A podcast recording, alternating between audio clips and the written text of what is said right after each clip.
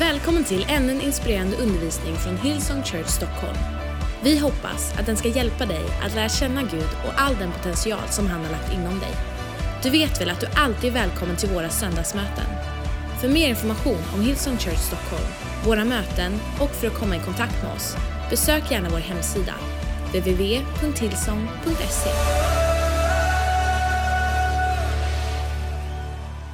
Säg ge inte upp. Ge inte upp. Precis, det är så vi tänker vi djurgårdare imorgon. En match till. Högsta ligan, jag bara lägger till det. Vi spelar i första ligan, den bästa ligan. Yeah. All right, det är titta på min predikan. Vi ska prata lite grann om tro idag, är det okej? Okay? Alltså kanske inte om tro bara som liksom en produkt om du vill, utan tro också som en eh, process. Du vet, om, om allt hade varit möjligt så hade inte tro behövts, eller hur? Eh, och du vet, så här, du och jag, jag tror vi ibland vi ber till Gud, vi bara tänker Gud, så här, bara led oss ut, öppna upp nya dörrar, ta oss ut i det omöjliga, låt oss inta nya land och sen är vi där bara, Gud varför har du satt oss här? Allt känns så omöjligt. Det är då tro behövs. Men jag vet vad jag har märkt? Att tro är en process ibland. Slå upp din bibel eh, till Matteus kapitel 15, vers 21. Är det okej okay om vi går lite old school idag? Går det bra? Så old school, vet du vad det är? Man stannar vid ett enda bibelställe, så angreppar det från lite olika ställen. Jag sa det här om veckan, jag fastnar lite grann i Jesus de sista gångerna jag har predikat. Å andra sidan, tänk om du ska fastna någonstans så ska du väl fastna i Jesus, eller hur? Eh, men jag tänkte vi skulle stanna vid ett enda ställe. Det här är vad jag tror. Jag tror inte att ett ord som står i Guds ord står där liksom som utfyllnad. Utan varenda ord, varenda steg Jesus tog, tog han för att du och jag har någonting att lära. Vi kan titta på det, vi kan hitta ett sätt att applicera det på våra liv. Så häng med mig till Matteus kapitel 15, vers 21. Ska läsa sju eller åtta verser tillsammans. Kanske lite ovanligare ställen, inte de där vanligaste ställena när du tänker på liksom ett old school bibelstudie. Det är ingen blind man, du vet, så här, det är ingen som ska resa sig upp och så här, lämna sin madrass. Eller någonting. Nej, utan det är någonting helt, det är en kvinna eh, som är grymt envis och som har förstått att det där med tro ibland är en process. Men innan vi läser, låt mig bara sätta upp det kort för dig. Du vet, ibland när vi läser Bibeln så tänker vi liksom, först nu är Jesus, ny, kan runt i kapitel 15. Han gick inte runt i kapitel 15. Jag undrar om ens Jesus visste om att det skulle bli kapitel 14. Jo, det visste han väl, men, men inte hans lärjungar. Du vet, så här, det fanns inte ens kapitel i början när vi började läsa Guds ord. Men därför så måste du, om vi, vet, om vi ska veta vart vi är på väg, så måste vi veta vart vi kommer ifrån, eller Så eh, om du bara, liksom, om du bara tänker, sätt in det. Jesus är i prime time av, sin, av sitt ministry. Kanske bara några månader till han ska ge sitt liv på ett kors. Han har precis liksom, i liksom, kapitlet innan förvandlat fem bröd, två fiskar till mat för 5000 män. Plus kvinnor, plus barn. Det innebär att det kanske var 20 000 pers där. Varför var de där? För att Jesus var där. Vart var de? Långt ute på ett fält. Var de mitt inne i en stad? Nej, det var de inte. Varför var de där? För Jesus var där. Jag skulle vilja gå så långt och tro att Jesus kanske just nu, när vi hoppar in i storyn, så är han den mest kända människan som gick runt på jorden just då, när vi hoppar in i Matteus kapitel 15. Vart där än går, tusentals människor. Så början på kapitel 15 så kommer fariseerna. Du vet att det blir problem. Du vet de här så skriftlärda proffskristna. Och vet du vad de klagar på nu då? Att lärjungarna inte tvättar händerna. Det, vill säga, det finns alltid någonting, och det var inte att de hade skitiga händer, utan det var något, religiöst, något religiöst. Så Jesus han bara bestämmer sig, vet du vad, nu, nu skiter vi i de här fariséerna. Och det, det var inte så att de var där för att ge Jesus ett gult kort och säga så här, aj, aj, aj, aj, De var där för att liksom döda Jesus. De ville döma honom till döden. Så Jesus flyr, och mig vetligen, eh, Matte får, får rätta mig om jag har fel, men jag kan bara säga att Jesus lämnade Israel två gånger. Första gången var när han var ett spädbarn, när Herodes bara liksom tvingade ut alla spädbarn. Eh, han skulle döda alla. Jesus flydde till Egypten. Och nu, nu lämnar han Israel och drar in i Syrien när vi hoppar in i, i Matteus kapitel 15, vers 21. Kolla. Jesus lämnade platsen och drog sig undan till området kring Tyrus och Sidon. Då kom en kaneisk kvinna från dessa trakter och ropade, här är viktigt, Herre, Davids son, förbarma dig över mig. Min dotter är svårt besatt. Men han svarade henne inte med ett ord. Hur många ord sa Jesus?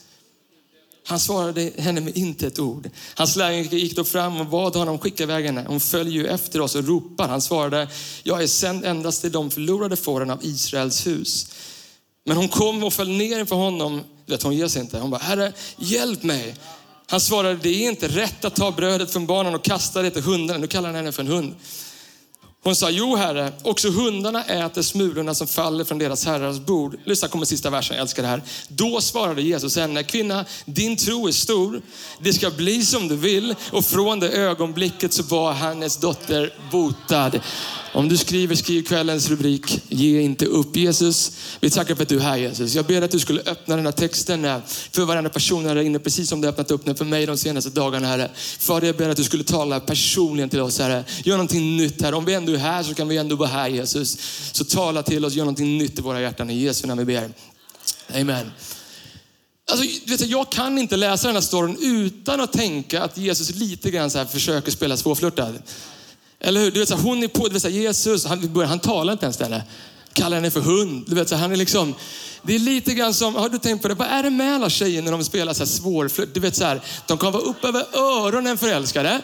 Nej, men inte ett tecken. Här ska det jobbas, här ska det kosta pengar. Du vet, här ska det vara ett svett, tårar. Här ska det, du vet så här, här ska man gå ner på knäna och be på sina barn. Du vet så här, det är som min fru när, när vi dejtade. Eh, jag hävdade ju liksom att hon var upp över öronen förälskad direkt. Eh, det tog ett halvår. Det var så här, 2004, eh, juli, vecka 29, Böda Beach. Du vet så här. Jag ser henne. Vet inte vem det är, bara ser att det där är, hon ser ut att vara liksom en gudskvinna. Eh, och, och, och, och går fram, jag tänker jag hittar en strategisk point, liksom, tio meter från lite upp på en sluttning som har lite så bra överblick. Jag är diskret som en kille kan vara. Du vet, sätter upp min mobil och bara liksom så här, låtsas sträcka mig och bara ta bilder. Liksom bara. jag får, en, får ta på hennes, på hennes ben som jag förstår är uppfullt av pixlar. Liksom.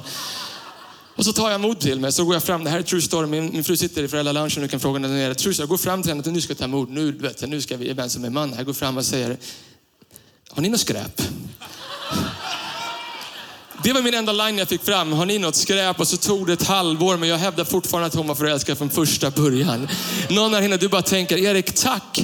Då fattar jag. Den här tjejen jag har ringt, hon har till och med bytt telefonnummer och blockat mig på Facebook. Du vet, så jag, har, jag har tältat utanför hennes hus. Liksom. Jag har fått besöksförbud. Jag förstår, jag ska försöka lite till.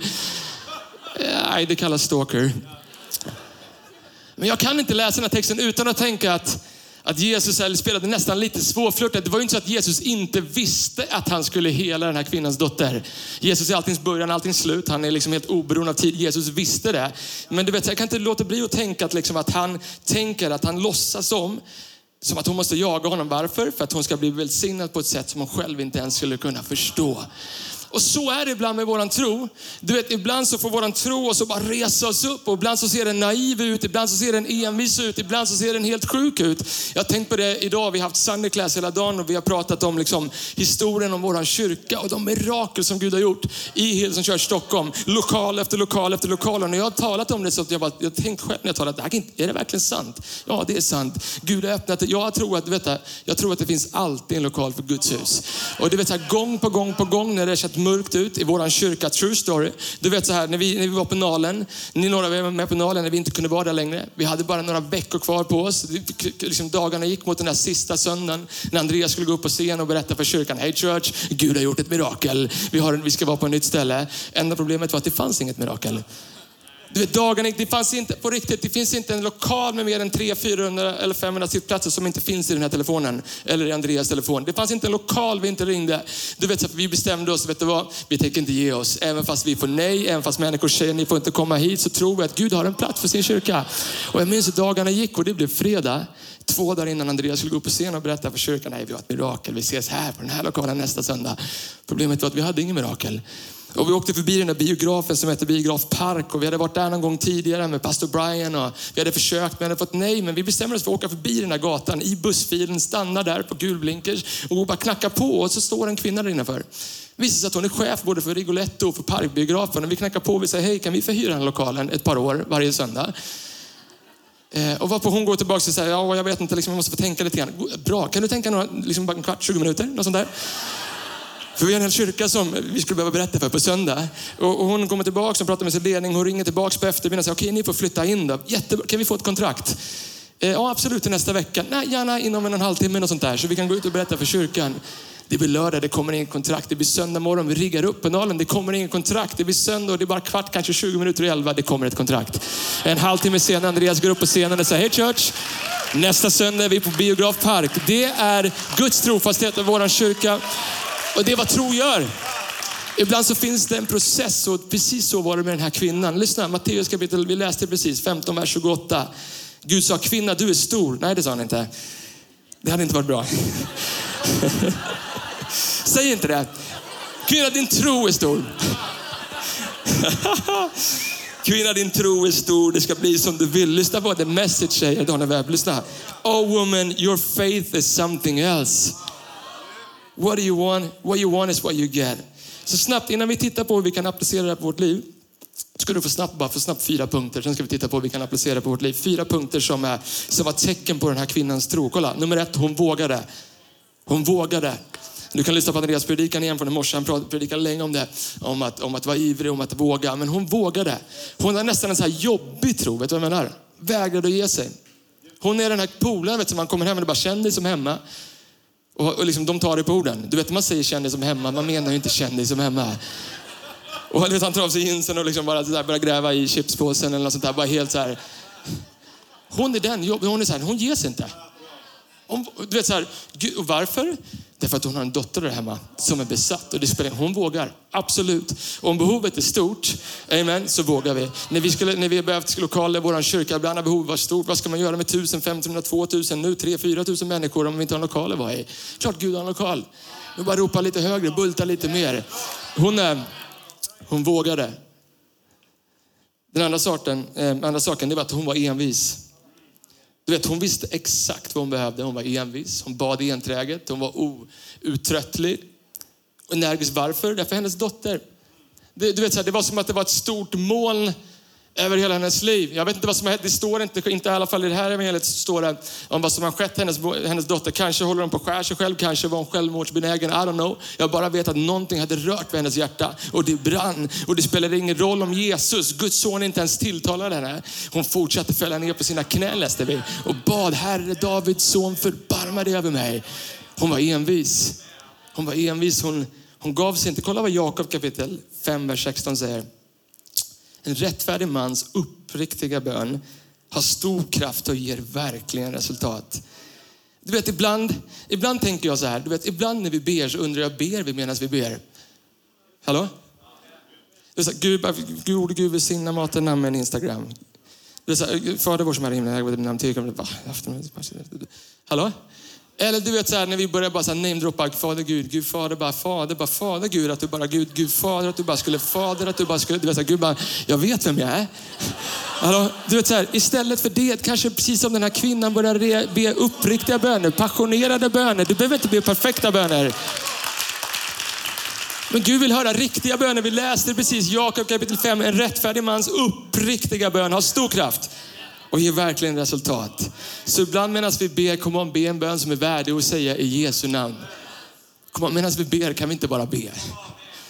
Den tredje saken, hon var ödmjuk. Jesus sa, jag skulle gärna hjälpa dig, om du, jag skulle gärna hjälpa dig men det vore liksom inte rätt av mig att hjälpa en hund. Han sa det på riktigt.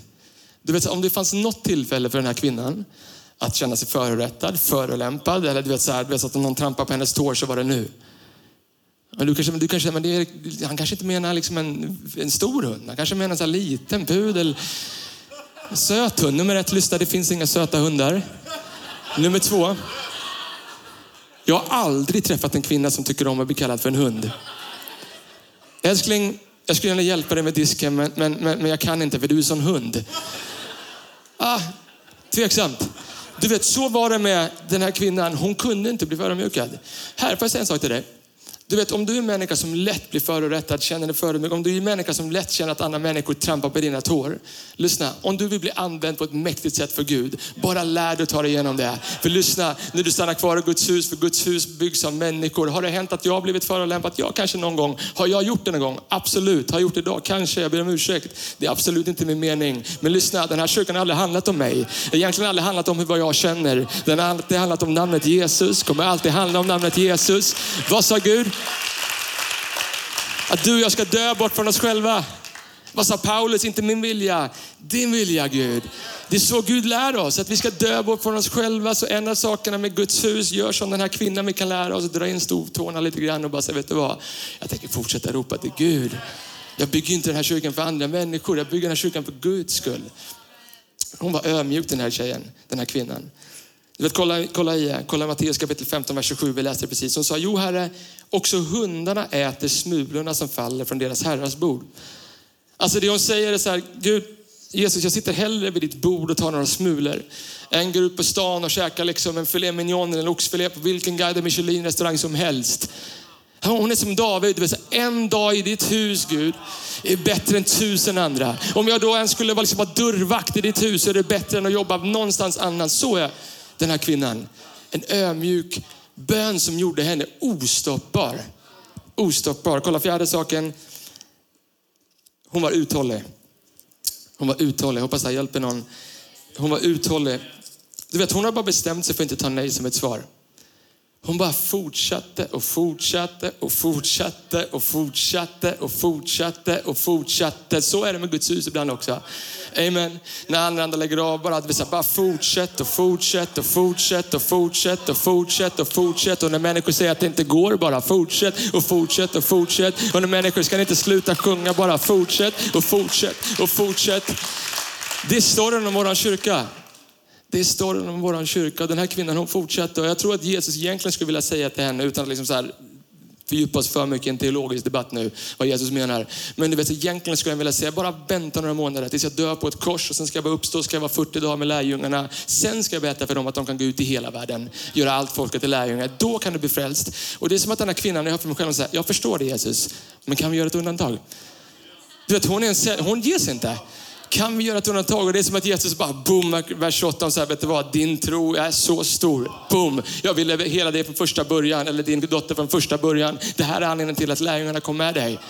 Det är därför hon var outtröttlig. Hon gav sig inte, hon var uthållig. All right. Så vad kan vi lära oss av det här? Tror du att det finns någonting du och jag kan lära oss av den här storyn? Okej, okay, snabbt. Vi ser många punkter, vi bara några korta punkter om hur vi kan applicera det här på våra liv. Lyssna, om du skriver, ingen respons är inte samma sak som en negativ respons.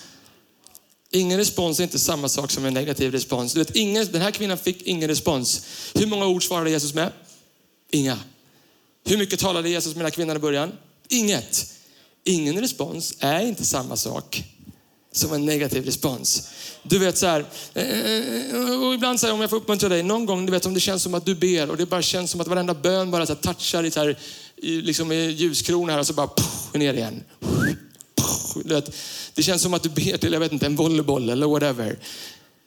För jag utmanar dig att fortsätta bara vara outtröttlig. För ibland så visar det sig som att den här tron är en process. Jag tror Gud visste redan från första början när den här kvinnan sa, Herre Davids son förbarma dig. Jag tror att han ville säga på en gång, ja såklart, jag vill hela henne. Men han, du vet vad som att han visste att det här var, det var viktigare, den inre processen, än den yttre processen. Så det var som att han, han talade inte henne, men jag kan se det framför mig. Som, Kom, fortsätt, lite till, lite till, lite till, lite till. Ropa, ropa på mig. Det var som att han förstod att det är en process. Du vet, ingen respons är inte samma sak som en negativ respons. Gud är ibland mer intresserad av vad som händer här än vad som händer här ute. Kolla vad Paulus säger i Andra Korinthierbrevet kapitel 4, vers 16. Därför tappar vi inte modet. Även om vår yttre människa bryts ner förnyas vår inre människa dag för dag. Så när Jesus lär oss hur vi ska be så säger han var uthålliga. Kolla vad Lukas kapitel 11, vers 5 säger. Han sa till dem, det är Jesus, om någon av er har en vän och går till honom mitt i natten och säger, kära vän, låna mig tre bön. En vän som är på resa kommer till mig och jag har ingenting att sätta fram mot honom. Vem av er skulle då inifrån huset få svar, låt mig vara i fred. Dörren är redan stängd och mina barn och jag har gått och lagt oss och jag kan inte stiga upp och ge dig något, något att äta. Jag säger er, även om man inte stiger upp, lyssna på det här, det här är coolt. Även om man inte stiger upp och ger honom något för att det är hans vän så kommer han stiga upp och ge honom allt för att han behöver, eh, så att han inte själv ska bli utskämd. Så han säger, han kommer gå upp i alla fall för att det inte ska bli skämmigt. Och så säger Jesus, kolla här. Jag säger er, be och ni ska få, sök och ni ska finna, bulta och dörren ska öppnas för er. Ty var och en som ber han får och den som söker han finner och den som bultar för honom ska dörren öppnas. När jag läser det så tänker jag, varför säger Gud bultar? Ja, men kanske för att dörren är låst. Så ibland så behöver du och jag bulta lite hårdare, ropa lite längre, vara lite mer uthålliga och förstå att ingen respons ibland inte är en negativ respons. Det är bara det att vi behöver vara lite uthålliga. Be lite grann till, ropa lite till på Gud. All right, eh, andra saken. Om Gud prövar dig så betyder det att han har en plan för dig. Så är det. Om, Gud, om du känner så jag går, det känns som att jag, I'm walking liksom genom hell just nu. Kanske är det så att Gud har en stor plan för dig. Ett av sätten han testar oss, det är liksom att se om vi kommer fortsätta ropa även fast han inte svarar direkt. Eller hur? Kolla på Abraham. Vi läser Guds ord vi läser Abraham och, det är som, och Gud säger du ska bli fader till generationer. Liksom, och, bla, bla, bla, bla. och så bara vänder vi blad så har han fått sin son. Det enda vi glömmer bort medan vi vänder blad så har det gått 20-30 år. Varför, varför tog det sån tid? Var det för att Gud inte gillade Abraham? Nej, tvärtom. Jag tror att det var för att han hade så stor plan för Abraham. Så att han skulle få vinna en seger. Så att han var tvungen att vänta 25-30 år. Amen, så att han kunde vinna en seger. Ibland när du och jag prövas så betyder det att Gud har en plan för dig och mig. Okej, tredje saken. Gud vet att ibland, ibland finns bergen som ska flyttas i dig. Alltså inte utanför dig och mig, utan bergen som ska flyttas. Ibland så finns de i oss. Du vet, ett, en av de tuffaste sakerna, om jag får prata eh, personligt två sekunder, det är när man ber och man känner att Gud inte svarar. Eller hur? Men jag tänkte för mig själv, är det verkligen så att Gud inte svarar?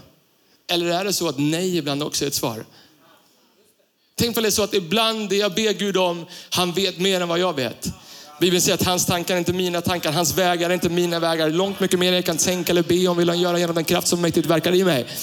Tänk på det är så att Tänk väl det är så att Gud är min far, ungefär som det är med min son Adrian. Han vill ju ha allting. Vi har varit på semester precis och vi har varit lite så här, vi har släppt på reglerna på hur mycket man får spela på eh, mobilen. Och nu tror han att de reglerna gäller när han kommer hem och det kan han glömma. och då tycker han att vi är orättvisa. Men ibland så är nej också ett svar.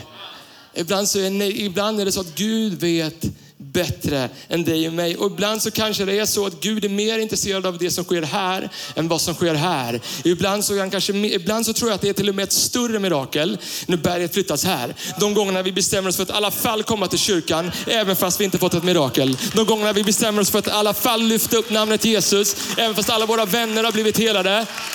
Men inte vi. Även de gångerna vi bestämmer oss i alla fall för att komma till kyrkan, även fast vi inte förstår. Ibland är det ett ännu större mirakel. Ibland är bergen som Gud vill flytta här inne. Okej, okay, två saker till. Orkar du det?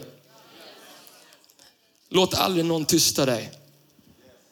Låt aldrig någon tysta dig. vi läste precis lärjungarna, de gick fram till henne och sa, var tyst kvinna. Jesus talade inte ens med henne. Han var så här, med, lärjungarna fram och sa, var, var tyst. Du vet så här, när ditt liv växer, när kyrkan växer, absolut att det kommer att vara motstånd. Absolut att det kommer människor som säger till dig, var tyst. Och då pratar jag kanske inte bara om de här liksom kristna som håller på att debattera om en liten teologisk sak som vi inte håller med om. Det, det tror jag djävulen bara tycker, fortsätt ni, det är jättebra, ni, ni sköter det bra som ni själva gör. Men om du vill bli ett hot mot djävulen, lär dig ordet evangelisation. Du vet, så här, börja prata om att du ska frälsa dina vänner. Börja prata om att påskdagen, alltså du vet, börja skriva upp deras namn i min mobiltelefon. Börja be för dem varenda kväll och säga att de här ska, tror jag ska komma till påsken i Hillsong Church. Om du vill bli ett hot mot Gud, börja be för dina ofrälsta vänner, för din ofrälsta familj. Om du vill bli ett hot mot Gud, börja prata om att jag ska gå ut och bara vittna om att det finns en Gud, det finns ett hopp, det finns en kärlek, det finns en frid.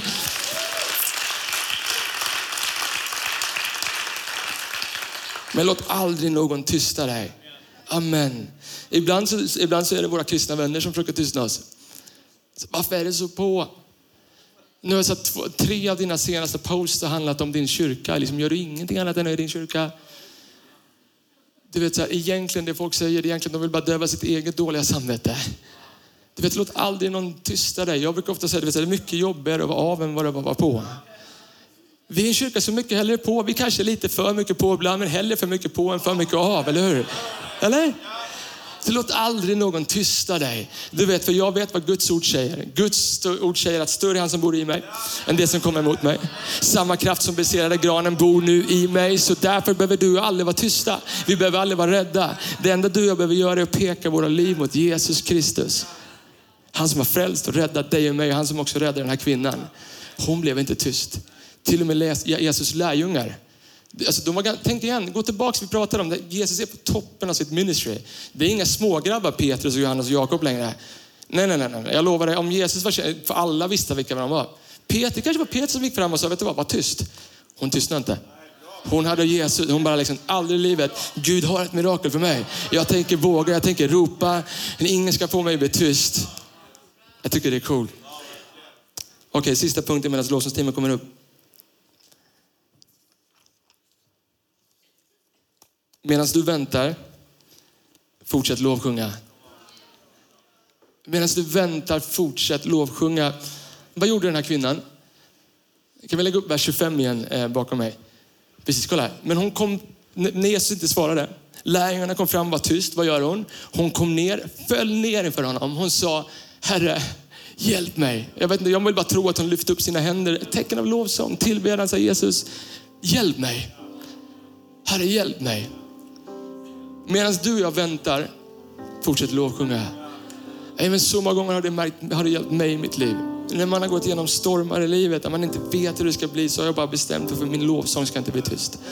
Och jag har fått uppleva hur den där lovsången, kanske inte sången i sig, men Jesus och den helige Ande i sången, hur det bara burit mig och lyft mig. Nej, men stunden när, när man tycker att det är orättvist. Stunden när man tycker att man förtjänar bättre. Stunden när man tycker att Gud, jag har ju tjänat dig, jag har ju försakat så mycket, jag har lagt ner så mycket för att bygga ditt hus och så kommer saker emot dig. Jag minns när vi fick beskedet att, att, att barnet, jag berättade någon gång förut, barnet i min frus mage var dött. Fick ett missfall för ett par år sedan, två år sedan. Faktum är att jag fick det beskedet fem minuter innan jag skulle gå upp på en scen och leda lovsång. Jag minns jag sjöng den där sången igen. Jesus Krist hörnsten är svag, blir stark i frälsans famn i livets storm. Han Herre är överallt. Hade jag ett svar? Nej. Var jag besviken på Gud? Absolut. Förstod jag? Absolut inte. Tyckte jag att det var orättvist? Ja, you bet. Men medan vi väntar på ett mirakel, fortsätt lovsjunga Gud. Det var som att Gud gjorde någonting i mitt liv hela det där halvåret. Lyssna, jag säger inte att vi berättar bra, jag absolut inte. Det finns stunder när jag knappt orkar lovsjunga, men det var som att Gud gjorde någonting i mig de närmsta månaderna sedan. Det var som att Gud berättade för mig, Erik, när du är svag så är jag stark. För, för liksom, kraften fullkomnas i min svaghet. Det var som att jag gick upp och jag träffade vårt team och ledde lov. Det var som att det fanns här, jag vet inte, bara en ny så här, is på något sätt. Jag kan inte förklara hur det var. Medan du väntar, fortsätt lovsjunga Gud min vän. Och jag fick uppleva hur jag blev buren. Och här i veckan, vi var nere i Bali och ni har säkert hört och jag vet att vi bara tackar för alla böner ni som vår pastor Andreas bad för vår son Matteo. Vi har en grabb som är tio månader. Han blev brännskadad för två veckor sedan. Eh, vi var på Bali, han kröp över liksom ett badkar, satte på varmvattenkran. Det finns inga varmvattenspärrar på Bali. Kokande vatten, hela hans vänsterben, hela vägen från liksom skinkan hela vägen ner till, till hälen. Andra gradens brännskada. Dessa skinn försvann och jag tog upp honom och medan vi väntade där på på att det skulle komma någon sjuktransport så tog jag och satte ner honom i, eh, i poolen. Och du vet, och jag minns, hon bara skrek, jag kunde inte hålla honom med benen. Jag höll honom över hans armar. Och du vet, om du har ett barn och du hör de skriken komma, jag kan inte förklara hur det kändes. Men jag bara sa, Jesus Krist, i livets storm, han här är. Han här är, Jesus Krist, hörnsten är. Du är min hörnsten Jesus. Medan jag väntar på mirakel, jag fortsätter, vi åker vidare till, till sjukhuset. Då. Vi blir inlagda på det där sjukhuset och de tar bort det där bandaget och de där, jag kan inte ens förklara hur det ser ut när de där blåsorna har spruckit och den vätskan han tappar och höra de där skriken, avgrundsskriken för din son. Och jag gick därifrån, jag messade med Andreas och det var dags för en bootcamp precis. Och jag gick därifrån i korridoren och sa Jesus Krist, hörnsten är svag, bli stark i frälsans famn. Gud, du är min frälsare, du är min borg. Spelar ingen roll hur mycket livet blåser emot mig, du är med mig. Och så gick dagarna, lyssna på mig nu. Så gick dagarna gick dagarna han blev bättre och bättre och bättre och vi satte oss på ett flygplan efter nio dagar på det där sjukhuset. Tack för alla böner. Lyssna, ska du bara vad som händer. Så när vi kommer hem, vi kommer till Karolinska sjukhuset i onsdags. Vi är där sju timmar, de byter bandage och de har sagt att han ska ha bandage i tre, kanske fyra veckor. Han behöver komma in varannan dag, vi byter bandage och så går det en dag till och det blir fredag morgon och jag och min fru vi åker till Karolinska sjukhuset. Det här är två dagar sedan. Vi åker till Karolinska sjukhuset, vi träffar en sån brand, brandskadespecialist och hon tar av honom Matteo hans, hans bandage och han säger, och så tittar han, så tittar han, så är hon tyst och det går någon minut. Jag tänker hjälp. Du är tyst när jag tänker bara liksom Gud, livets storman, här är, du vet så här. Och jag får, de tittar på och säger de, jag kommer inte sätta på någon bandage igen på eran son. Han behöver inte längre någon bandage. Jag vet inte, det ser inte likadant ut som det gjorde på bilderna. Det ser mycket bättre ut. Och... Vi kom hem i lördags vi kommer hem i lördags och de säger att han kommer inte kunna duscha säkert på en vecka eller två veckor. Så här. Min fru sätter på lite vatten, han kryper ner i duschen. Han har inte sagt ett ord. Han stannar kvar 20, 25, 30 minuter i den där duschen. I Jesu Kristi namn. Han är Herre genom varenda storm i livet. Om vi förtröstar på honom. Min vän så får jag uppmuntra dig. När du undrar, ska mitt äktenskap klara en dag till? Fortsätt lovsjung Jesus. När du undrar, kommer mina barn någonsin komma till kyrkan? Fortsätt lovsjunga Jesus. När du undrar, har Gud en plan för mig? Han har en plan för dig. Fortsätt lyfta upp hans namn. Fortsätt prisa hans namn. Säg Gud, du är värd min lovsång i livets storm. Oavsett hur det ser ut, oavsett vad som kommer emot mig, så ska jag lovsjunga ditt namn. Lyft upp namnet över alla andra namn. Du är värd min lovsång, Jesus.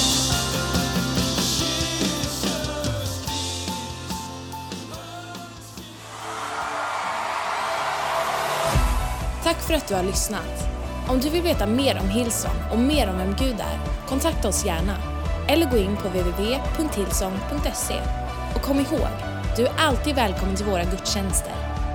Om du vill ha mer information och uppdateringar av pastor Andreas Nilsen, följ honom på Twitter, Instagram och Facebook där hans användarnamn är Andreas Nilsson.